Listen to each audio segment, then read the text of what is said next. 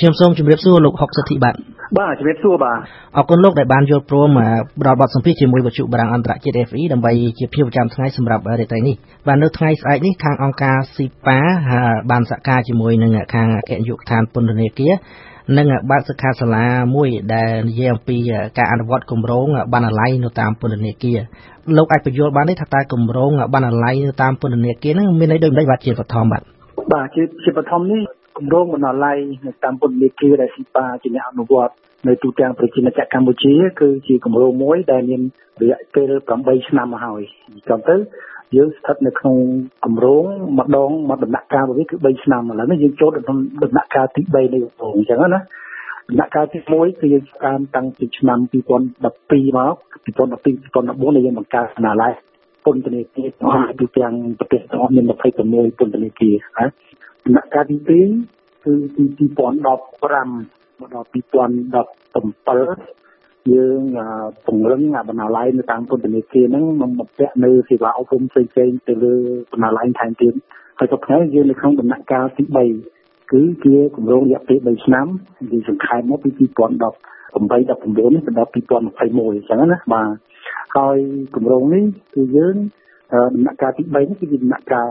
ចុងក្រោយរបស់គម្រោងមួយ ដែលយើងពង្រឹងសេវាអប់រំនៅតាមពន្ធនាគារដោយសហការជាមួយដៃគូពាក់ព័ន្ធទាំងអស់មានទាំងពីក្រសួងអប់រំវិទ្យាកីឡាជាផ្សេងជាឋានអប់រំក្រៅប្រព័ន្ធ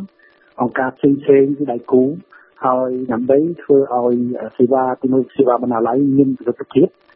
កាន់តែប្រសើរសម្រាប់ទៅដល់ប្រជាទៅដល់អ្នកជាប់ឃុំក្នុងពន្ធនាគារហ្នឹង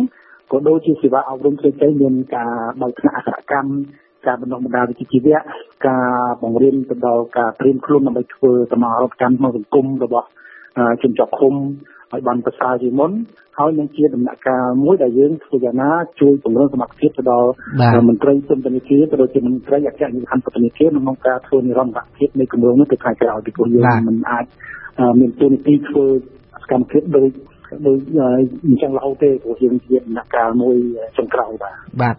ចាប់តាំងពីបើកគម្រោងមករហូតមកដល់ពេលនេះមានន័យថាជាប់ពីដំណាក់កាលហើយថាតើមានអ្នកជាប់ឃុំឬមួយក៏អ្នកជាប់ពន្ធនាគារហ្នឹងប្រមាណ10000អ្នកដែរដែលទទួលបាននៅការអប់រំតាមរយៈគម្រោងបណ្ណាល័យតាមពន្ធនាគារហ្នឹងបាទយើងយើងមិនអាចមានមិនបានមានស្ថិតិពិតប្រាកដថាប្រមាណពិតប្រាកដក្នុងរយៈពេល8ឆ្នាំកន្លងមកនេះទេប៉ុន្តែចំណុចថា គម្រោងនេះគម្រោងនេះបានផ្ដល់ទៅឲ្យជាទូទៅជាសរុបព្រោះអ្នកជនជាប់ឃុំមិនមិនតិចជាង25000នាក់ទេនៅក្នុងរយៈពេលទាំងឡាយទាំងអស់ទីគម្រោងហ្នឹងណាបាទលោកអាចបញ្ជាក់បានទេថាតើគម្រោងបណ្ណាល័យនៅពន្ធនាគារហ្នឹងគ្រាន់តែឲ្យអ្នកជាប់ឃុំអាចអានសៀវភៅស្វែងយល់ដោយខ្លួនឯងឬមួយក៏មានការបណ្ដុះបណ្ដាលពីគ្រូជំនាញទៅកាន់ពួកគេដែរបាទអញ្ចឹងតើតកតងទៅនឹងការអាននៅតាមបណ្ណាល័យ ជាមានកម្មវិធីដែលពន្ធនាគារមួយមួយគាត់រៀបចំប្រធានពន្ធនាគារមួយមួយគាត់រៀបចំជាមួយនឹងបណ្ណារៈដើម្បីឲ្យជនជាប់ឃុំគាត់អាចមកអានសភៅនៅក្នុងបណ្ណាល័យហើយខ្ចីសភៅទៅបាន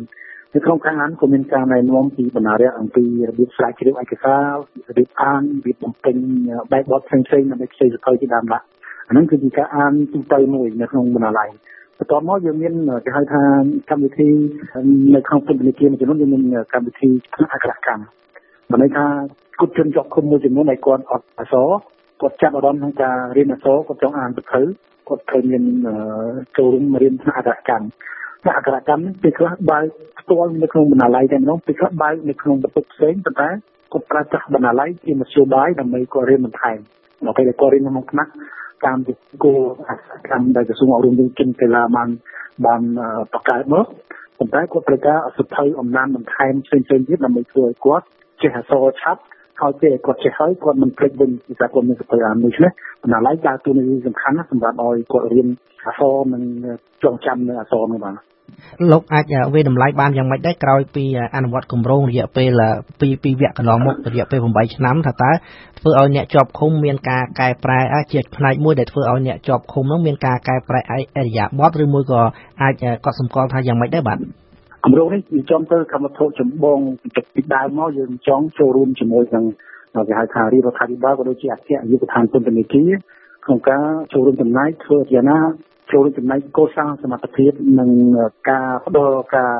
យ៉ាងថាការកំសាន្តផ្សេងៗតាមរយៈសភៅទៅដល់ជនជាប់ឃុំដើម្បីបន្ថយភាព stress ភាពអត់សុខរបស់គាត់នៅក្នុងពន្ធនាគារអញ្ចឹងណាប៉ុន្តែដល់ពេលយើងដាក់គម្រោងហ្នឹងទៅលទ្ធផលជាទូទៅដែលយើងវិតម្លៃឃើញគឺអាចលើកពីនេះទៅផង គឺដោយសារតែយើងបានធ្វើឲ្យជនជាប់ឃុំមួយចំនួនដែលគាត់ពីមុនមកក៏ដែលជាអ្នកអានសភៅមិនដែលកាន់សភៅ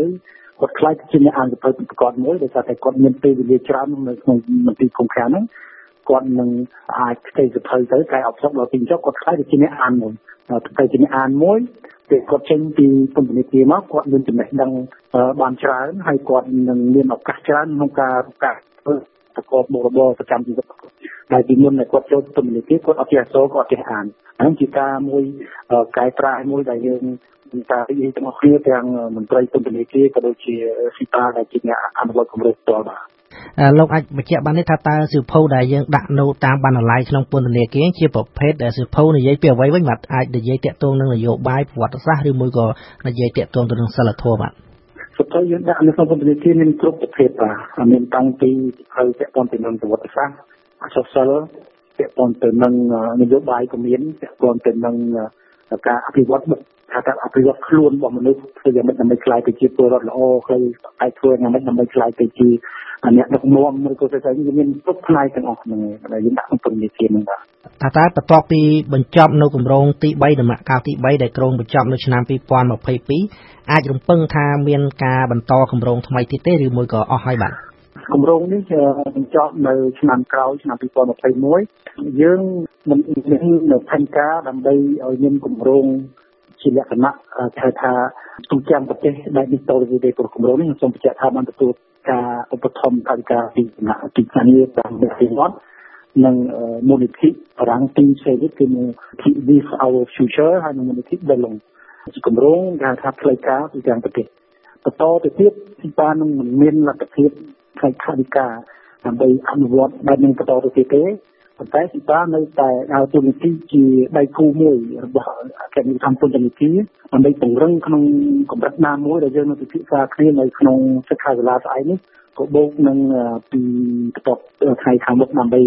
ថាតើយើងត្រូវធ្វើយ៉ាងម៉េចតែទោះបីយ៉ាងណាក៏ទូនីតិរបស់ស៊ីបានប្រែប្រួលជាមួយនឹងបណ្ណាល័យពន្ធនាគារទាំងអស់ហ្នឹង ដោយសារតែយើងចំណាយពេលស្របទៅចំនួនប្រាក់ក្នុងការអភិវឌ្ឍគម្រោងមួយជាដំណាក់កាលមួយដែលយើងត្រូវតែពូទុនទីដើម្បីឲ្យអគ្គនាយកពន្ធនាគារជាពិសេសគ្រប់ពន្ធនាគារនីមួយៗគាត់មានគេហៅថាការទទួលខុសត្រូវប្រសើរជាងជាងពីដើមមកហើយពីតានៅតែជាដៃគូមួយប៉ុន្តែដែលមានគេហៅថាទូនីតិផ្សេងពីនឹងមិនន័យថាគ្រាន់តែជាដៃគូផ្ដល់ទីប្រឹក្សាផ្ដល់ផ្នែកប្រសាបចេតទេសការពិនិត្យបណ្ដាលជាដើមណាប៉ុន្តែมันមិនមានលទ្ធភាព អ្វីច្រើនដូចពីមុនពីដំបូងទេបាទហើយជារឿងធម្មតារបស់គម្រោងមួយ ដែលតែងតែមានការចាប់ផ្ដើមការពង្រឹងនិងការធ្វើគេហៅថាដំណាក់កាលមួយគេហៅដំណាក់កាលនិរន្តរភាពដើម្បីឲ្យអ្នកដែលទទួលផលឬក៏ស្ថាប័នដែលជាអ្នកគ្រប់គ្រងហ្នឹងជាអ្នកអនុវត្តនិងទទួលខុសត្រូវផ្ទាល់បាទ បាទមែនតើទៅអង្គការស៊ីប៉ាគឺជាអង្គការក្រៅរដ្ឋាភិបាលមួយផ្នែកអប់រំដែលចាប់ដៃគូជាមួយក្រសួងអប់រំយុវជននិងកីឡាថាតើក្រៅតែពីការផ្ដល់នៅការបណ្ណាល័យសម្រាប់ពន្ធនាគារតើស៊ីប៉ាបានជួយបង្រៀនទៅដល់អ្នកបញ្ចេះអក្សរនៅក្នុងវិស័យណាខ្លះបាទ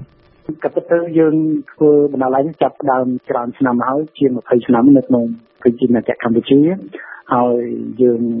ទទួលសំខាន់នៅក្នុងការនៅក្នុងដំណាក់កាលនោះគឺការ បង្កើតនិងអភិវឌ្ឍបណ្ណាល័យនៅតាមសាលាបណ្ឌិតសាក្រោយមកយើងបានពង្រីកកម្មវិធីបណ្ណាល័យយើងទៅទៅក្រៅសាលាច្រើនជាពិសេសបណ្ណាល័យនៅតាមវាហៅថាបណ្ណាល័យចល័តដែលធ្វើកម្មវិធីនៅតាមភូមិយើងបណ្ណាល័យក្នុងពន្ធនាគារដែលយើងកំពុងនិយាយនេះហើយនឹងកំពុងតែធ្វើកម្មវិធីក្នុងបង្កើតបណ្ណាល័យនិងពង្រឹងបណ្ណាល័យនៅតាមរោងចក្រកាត់ដេរជាដើមឡើយអញ្ចឹងយើងយើងកាំងយ៉ាងនេះគឺយើងចូលរួមចំណែកជាមួយក្រសួងអប់រំច្រើនមែនទែននៅក្នុងការអភិវឌ្ឍ ការការការអានការរៀនការរៀនពេញមួយជីវិតនោះដើម្បីធ្វើឲ្យប្រជាពលរដ្ឋកម្ពុជាទាំងសិស្សសានុសិស្សទាំងអ្នកនៅក្រៅសាលាអាចមានបន្តរៀនហើយនឹងហើយនឹងសិក្សាតទៅមុខថែមទៀតហើយចំពោះថ្នាក់អក្សរកម្មនេះគឺយើងមានជាសំខាន់នៅក្នុងពន្ធនាគារហ្នឹងដូចខ្ញុំនិយាយមកបាននិយាយនៅក្នុងរោងចក្រកាត់ដេរដែលយើងសហការជាមួយក្រសួងអប់រំវិទ្យាកីឡានិងអង្គការ UNESCO ផងដែរ ហើយសប្តាហ៍នេះក៏យើងកំពុងធ្វើជាសកម្មភាពសាកបងមួយចំនួននៅក្នុងលោកអិតមួយចំនួនដែលមានកុមារកុមារគាត់ទទួលតាមឪពុកម្ដាយមកធ្វើការនៅក្នុងលោកអិតមួយចំនួនហើយយើងក៏បានបើកថ្នាក់អក្សរកម្មដើម្បីផ្ដល់ឱកាសទៅដល់ពួកជាពិសេសមនុស្សចាស់មនុស្សពេញវ័យដែលគាត់ចាចាប់អារម្មណ៍ចង់រៀនហើយនឹងផ្ដល់ការអានផ្សេងៗដល់កុមារនៅតាម លោកអត់នឹងផងដែរបាទបាទសូមអរគុណលោកហុកសុធីបាទសូមជម្រាបប្រិយមិត្តអ្នកស្ដាប់ថាលោកហុកសុធីគឺជាប្រធានអង្គការស៊ីប៉ាសូមជម្រាបលាបាទសូមអរគុណសូមជម្រាបលាបាទ